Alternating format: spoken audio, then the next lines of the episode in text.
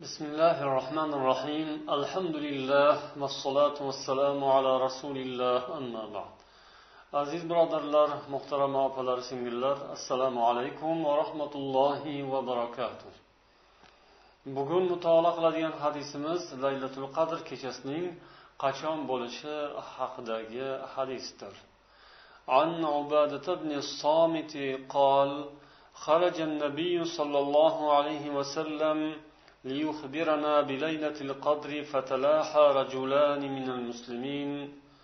فقال خرجت لأخبركم بليلة القدر فتلاحى فلان وفلان فرفعت. وعسى أن يكون خيرا لكم. فالتمسوها في التاسعة والسابعة والخامسة. رواه البخاري ومسلم.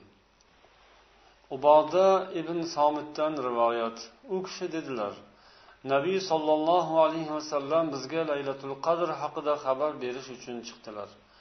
Shu payt musulmonlardan ikki kishi janjallashib qoldi. Shunda rasululloh sollallohu alayhi vasallam aytdilar men sizlarga laylatul qadr haqida xabar berish uchun chiqqan edim. Falonchi bilan falonchi janjallashib qoldi. Bas xabar yodimdan ko'tarildi. Shoyatki bu ham sizlar uchun yaxshilikka bo'lsa bas sizlar uni to'qqizinchi yettinchi va beshinchi kechalardan qidiringlar. Buxoriy va muslim rivoyatlari. Mana bu hadis bir qator ma'no ta'limot va nasihatlarni o'z ichiga oladi. Avvalo inson o'zining foydasi va zarari nimada ekanini yaxshilab anglab yetmog'i va shunga qarab harakat qilishi lozim ekanligini uqtiradi bu hadis. Inson o'zining do'sti kim dushmani kim yaxshi ajrata bilishi kerak. Insonning dushmani shayton. U hamisha inson bilan hamroh. Doimo uni haq yo'ldan ozdirishga o'ziga foyda bo'ladigan ishlardan chalg'itib boshqa tomonga bo'yib burib yuborishga harakat qiladi. Mana bu hadisda ham buning isbotini ko'rish mumkin. Ya'ni ikkita musulmon masjidda ramazon paytida janjallashib qolishgani tufayli o'sha ikki insonning o'zi uchun ham va boshqa musulmonlar uchun ham nihoyatda foydali va zarur bo'lgan bir ne'matdan burilib ketildi. O'sha narsa bu ummatga butunlay noma'lum bo'lib qoldi. Bu hadisning boshqa rivoyatlarida jumladan imom muslim rivoyatlarida shunday iboralar bilan keladiki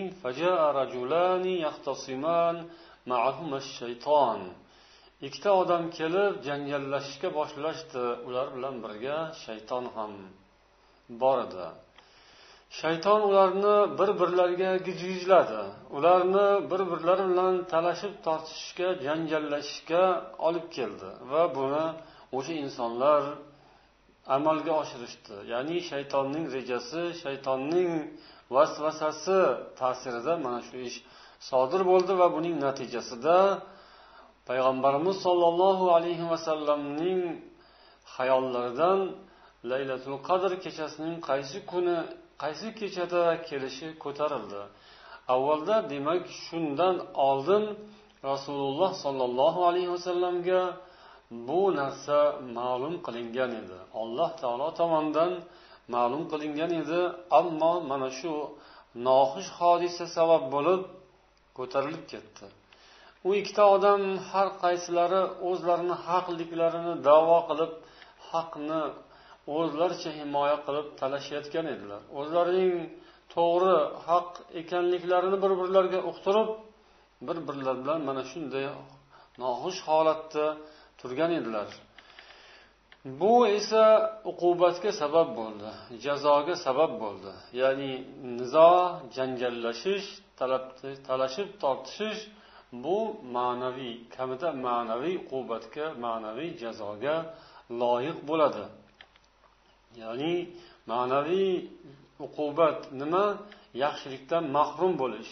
Biron bir jazo berib unga ta'zir berish jismoniy ta'sir o'tkazish bilan jazo qo'llash bu ham bir uqubat jazo lekin ma'naviy jazo uning ba'zi bir foydalarini yo'lini to'sib qo'yilishi undan ba'zi ne'matlarning ko'tarilishi mahrumlik bu ham ma'naviy jazo.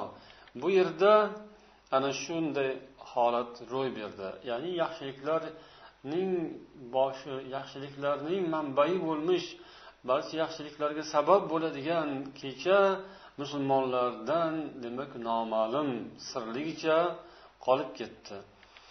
Endi mana shu hadisning sharhida keladi inson agar talashib tortishish mana bu yerda hozir qoralanayotgan ekan o'zining haqqini talab qilishi mumkin emasmi? O'sha ikkita talashayotgan odamdan qaysidir biri haq bo'lishi ma'lum. Ko'pincha shunday bo'ladi. Ba'zan ikki tomon ham haq bo'lib bir birini tushunolmayotgan bo'lishi mumkin. Keyin o'zaro shunday munozaralardan keyin haqiqat oydinlashib yo bir birlarini tushunib oladilar yoki haq tomon zohir bo'ladi hujjatlari bilan isbot qilinadi. Endi bu uchun haq zohir bo'lishi uchun munozara bahs tortishishga to'g'ri keladi.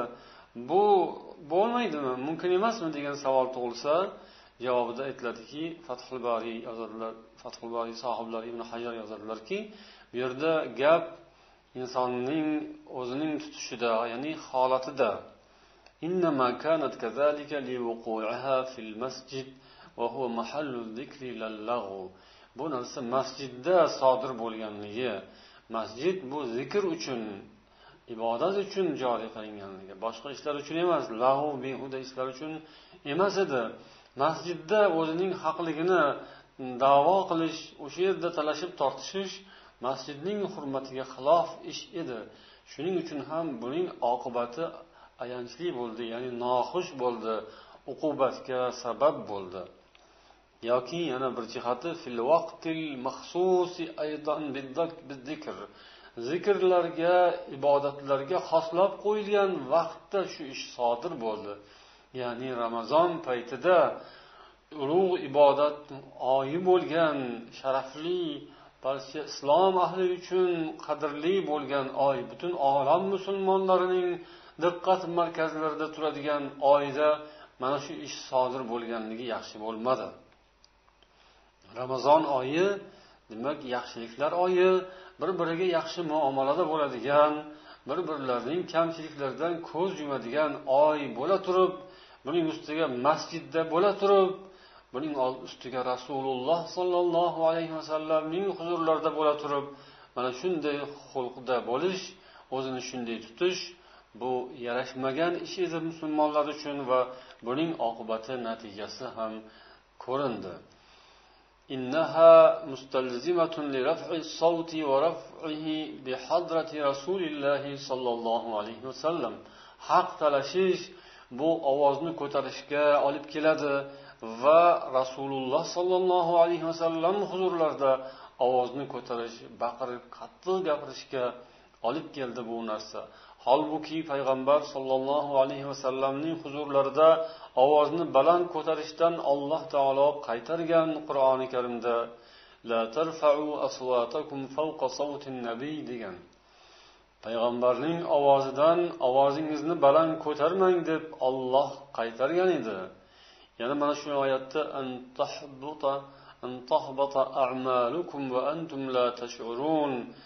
amallaringiz o'zingiz bilmagan holatda bekor bo'lib qolishidan ehtiyot bo'ling. Amallaringizning savobi ketib qolishidan ehtiyot bo'ling deb olloh ogohlantirgan edi. Inson o'zi bilmagan holda qilgan ishining oqibatiga duchor bo'ladi. O'zi bilmasdan yaxshi o'ylamasdan qilayotgan ishining oqibati nimalarga olib borishiga aqlini ishlatmasdan ba'zan o'zini haqlikda fahmlab haqman deb davo qilib shunday ishlarni qiladi yoki shunday gaplarni gapiradiki oqibatda u odam haq bo'lsa ham noxush natijalarga borib qolishi mumkin. Olloh asrasin. Mana shu jihatlardan demak ramazon oyi va masjidda inson o'zini qanday tutishi lozimligi bu bizga bir ibrat. Ya'ni mana shundan musulmonlar uchun kerakli zarur xulosalar chiqadi. Yana bu hadisda keladiki payg'ambar sollallohu alayhi vasallam yaxshilikdan umid uzmagan holda mana shunday noxush noxush hodisalar ichida ham baribir yaxshilikka intilgan insonning misolini baribir har qanday noxush hodisadan ham yaxshilik qidiradigan shuni yaxshi tomonga iloji boricha burib yuborishga harakat qiladigan insonning misolini ko'ramiz. Aytadilarki shoyatki bu ham sizlarning yaxshiliklaringizga bo'lsa. Ya'ni shunday noxush hodisa ro'y bersa ham mayli endi shuni ham shoyatki shu ham mayli yaxshilikka aylansa buning oqibati natijasidan yana yaxshiliklar ham paydo bo'lsa deb payg'ambar sollallohu alayhi vasallam umid bildirdilar va inshaalloh haqiqatan ham u zotning umid qilganlaricha bo'ldi va bo'ladi inshaalloh. Aslida ku o'sha yaxshiligi laylatul qadr kechasining qachon qaysi kechada ekanligi aniq bo'lganda payg'ambar sollallohu alayhi vasallam uni aytib berganlarida buning yaxshiligi balki ko'proq bo'lardi yoki balkim bunisida yaxshiroqdir. Lekin shunda ham baribir yaxshilik bor. Buning yaxshiligi nimada? Buning yaxshiligining hikmatlari ya'ni mana shunday. Bu kechaning maxfiy qolganlik hikmatlarini bir qator hikmatlarni ulamolar hikoya qiladilar. Avvalo alloh taoloning taqdiri taqdir yashirin bo'ladi. Alloh taolo insoniyatning taqdirini odamlarga bitgan taqdirini yashirin qilgan va buning bir qancha hikmatlari bor. Payg'ambar sollallohu alayhi vasallamning yodlaridan ko'tarilishi ham allohning taqdirida bitilgan edi. Uning sabablari yer yuzidagi sabablari ma'lum. U mana hozir yuqorida ko'rib o'tdik. Lekin taqdiri azalda olloh shunday bo'lishini iroda qilgan istagan va ana shu ollohning taqdiri yaxshilik xayrli narsa. Olloh bandasiga yaxshilikni bitgan bo'ladi. Olloh bandasiga inshaalloh mana shu ishdan ham ko'p yaxshiliklarni yashirib qo'ygan bo'ladi. Ana o'sha yashirin yaxshiliklar inshaalloh keladi. Karomat bu laylatul qadr kechasiga musharraf bo'lish bu karomatdir. Alloh o'zining do'stlariga valiylarga hadya qiladigan karomat. Lekin bu karomatni yashirish afzal sanaladi. Ulamolar va avliyolar mana shu narsani ta'kidlashadi. Ya'ni allohning karomatiga musharraf bo'lgan inson u karomatni gapirib yurishi uni boshqalarga oshkor etishi o'sha karomatdan mahrum bo'lib qolishga sabab bo'ladi. Karomat alloh taolo tomonidan ato qilinadigan ulug' ne'mat. Qaysi bir insonga bu nasib bo'lsa uni maxfiy tutish afzal sanaladi. O'sha karomatning boqiyligiga barakali bo'lishiga sabab bo'ladi. Bu demak masalaning bir jihati. Yana bir jihati inson riyodan xoli bo'lishi lozim. Insonga alloh taolo ato qilgan ne'matlarni yaxshi inson erishgan yaxshiliklarni gapirishda so'zlashda inson riyoga ketishi inson maqtanchoqlikka o'tib ketishi xavfi bor. Bu jihatdan olganda ham laylatul qadr kechasining maxfiy bo'lishi yashirin qolishi insonlarning riyodan saqlanishlariga ham xizmat qiladi. Va kimgaki bu nasib bo'lsa va buni u inson agar sezsa his qilsa va uni u yashirib o'tishi riyodan xoli bo'lib allohga yaqinroq bo'lishi va bu kechaning savoblaridan yana ham ko'proq bahramand bo'lishi barakotlari ko'proq hosil bo'lishiga sabab bo'ladi. Yana bir jihati inson yaxshiliklarga erishar ekan ne'matlarga musharraf bo'lar ekan buning kushandasi buning ro'barasida turgan dushmanlaridan biri hasaddir. Odamzod qalbidan ba'zan joy oladigan ayniqsa iymoni sust iymoni zaif odamlarga yopishadigan kasallik hasad kasalligi yomon illat. Bu insonlardagi yaxshilik ne'matlarning zoyil bo'lishiga harakat qilish. Bu ham yomon narsa ne'mat yashirinishi hasaddan saqlanishga boshqalarning yomonligidan saqlanishga sabab bo'ladi. Ya'ni agar shu narsa zohir bo'lib musulmonlarda laylatul qadr kechasi aniq bo'lib qolganda uning dushmanlari uni ko'rolmaydigan allohning dushmanlari musulmonlarning yomon ko'radigan odamlar uchun demak bu ham bir nishon markazga aylanardi. Ularning hujumlarining nishoniga aylanardi hasaddan va adovatdan. Demak buning yashirin bo'lishi ham hasaddan saqlanish va dushmanliklardan saqlanishga bir sabab. Endi bu kecha qachon o'zi qaysi kecha degan savol baribir ochiq qoladi va bu savol baribir takrorlanadi. Yuqorida aytilgan shuncha so'zlar bu kechaning qaysi kechada ekanligiga bo'lgan qiziqishga bo'lgan intilishni susaytirmaydi. Islom buning ham yo'lini to'smaydi balki bu borada ham mulohazalar ijtihodlar va harakatlar davom etadi. Shunday ekan ulamolarning bu boradagi so'zlariga murojaat qilamiz. Ibn hajar o'zlarining kitoblarida aytadilar bu borada qirq olti xil qavl taqdim etilgan olg'a surilgan. Ulamolar tomonlaridan laylatul qadr kechasini qachon bo'lishi haqida mana shuncha fikr mavjud. Qirq olti xil tarzda ijtihod qavullar mavjud. Endi bularning ichidan qaysi birlari to'g'riroq va haqiqatga yaqinroq degan masala ustida gapirish mumkin. Payg'ambar sollallohu alayhi vasallamning hadislaridan qilinadigan xulosalarga ko'ra laylatul qadr kechasi uchinchi o'n kunlikda bo'ladi. Ramazon sharifning uchinchi o'n kunligida bo'lishi ehtimoli ko'proq. Va yana ulamolar aytadilarki bu biror bir kechaga tayin qilib qo'yilgan emas bu balki har ramazonda har yili har xil kechada bo'lishi mumkin ko'chib yurishi mumkin. Ya'ni bu yili bir kechada bo'lsa keyingi yili boshqa bir kechada. Yana ulamolar aytadilar yigirma birinchi kecha bo'lishi mumkin ya'ni ramazonning yigirma birinchi kechasi yoki yigirma uchinchi yigirma beshinchi yigirma yettinchi yigirma to'qqizinchi kechalarda bo'lishi ehtimoli yaqin. Payg'ambar sollallohu alayhi vasallam hadislarida tog' kechalaridan qidiringiz dedilar. Yoki bu hozir o'qigan hadisimizda mana shunday yigirma beshinchi yigirma yettinchi yigirma to'qqizinchi kechalarga ishora qilganlar. Agar inson mana shu kechalardan birortasini o'tkazib yubormasdan balki oxirgi o'n kunlikning hammasida astoydil harakat qilib ibodat bilan mashg'ul bo'lsa shu kechalarda bedor bo'lsa namoz tilovati qur'on zikr istig'for tavba bilan mashg'ul bo'lsa u albatta inshaalloh bu laylatul qadrdek ulug' maqom ulug' martabaga ulug' ne'matga albatta muyassar bo'ladi.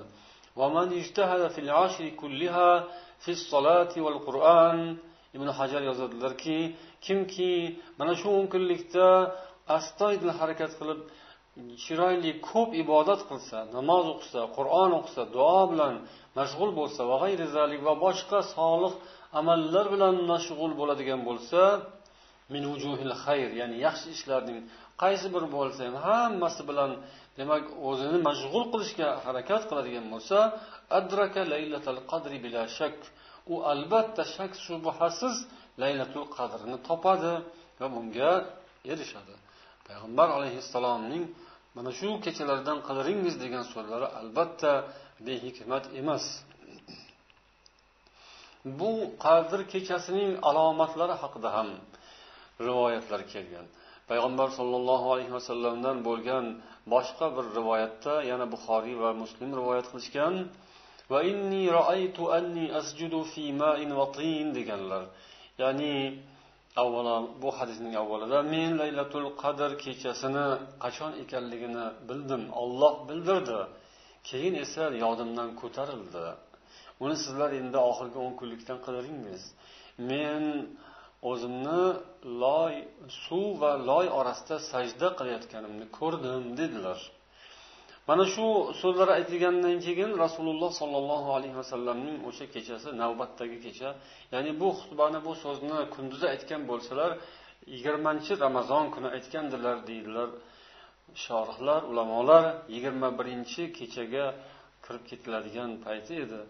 O'sha yigirma birinchi kechaning so'ngida rasululloh sollallohu alayhi vasallamning peshonalari va yuzlarida loy suv alomatlari sezildi ya'ni o'sha kechada yomg'ir yog'di va masjidning shipidan yomg'irlar tomchilab yerga tushgani va sajdagohlar loy bo'lgani sajda qilganlarning peshonalari yuzlariga loy sachragani suv sachragani payg'ambar sollallohu alayhi vasallamning muborak yuzlarida peshonalarida loy va suv alomatlari ko'rilganini rivoyat qilinadi. Va bu ham ana shu kechaning laylatul qadr kechasi bo'lganligiga ishora deydilar.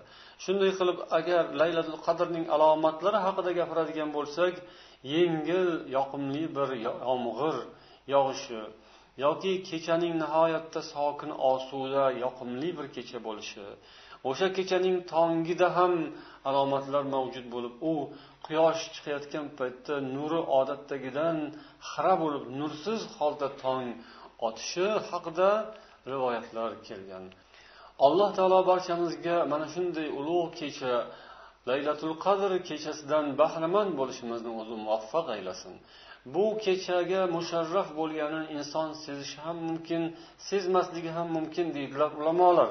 Agar laylatul qadr kechasiga musharraf bo'lgan bo'lsada inson buni sezmasligi mumkin. Buni sezmasligi u kechadan bebahra qolishini anglatmaydi. Balki olloh u bandasi sezmagan holda uning nomai amoliga ulkan ajr va savoblarni yozishi ehtimolga juda ham juda ham yaqin. Alloh barchamizni ana shunday baxtga muyassar aylasin. Assalomu alaykum va rahmatullohi va barakatuh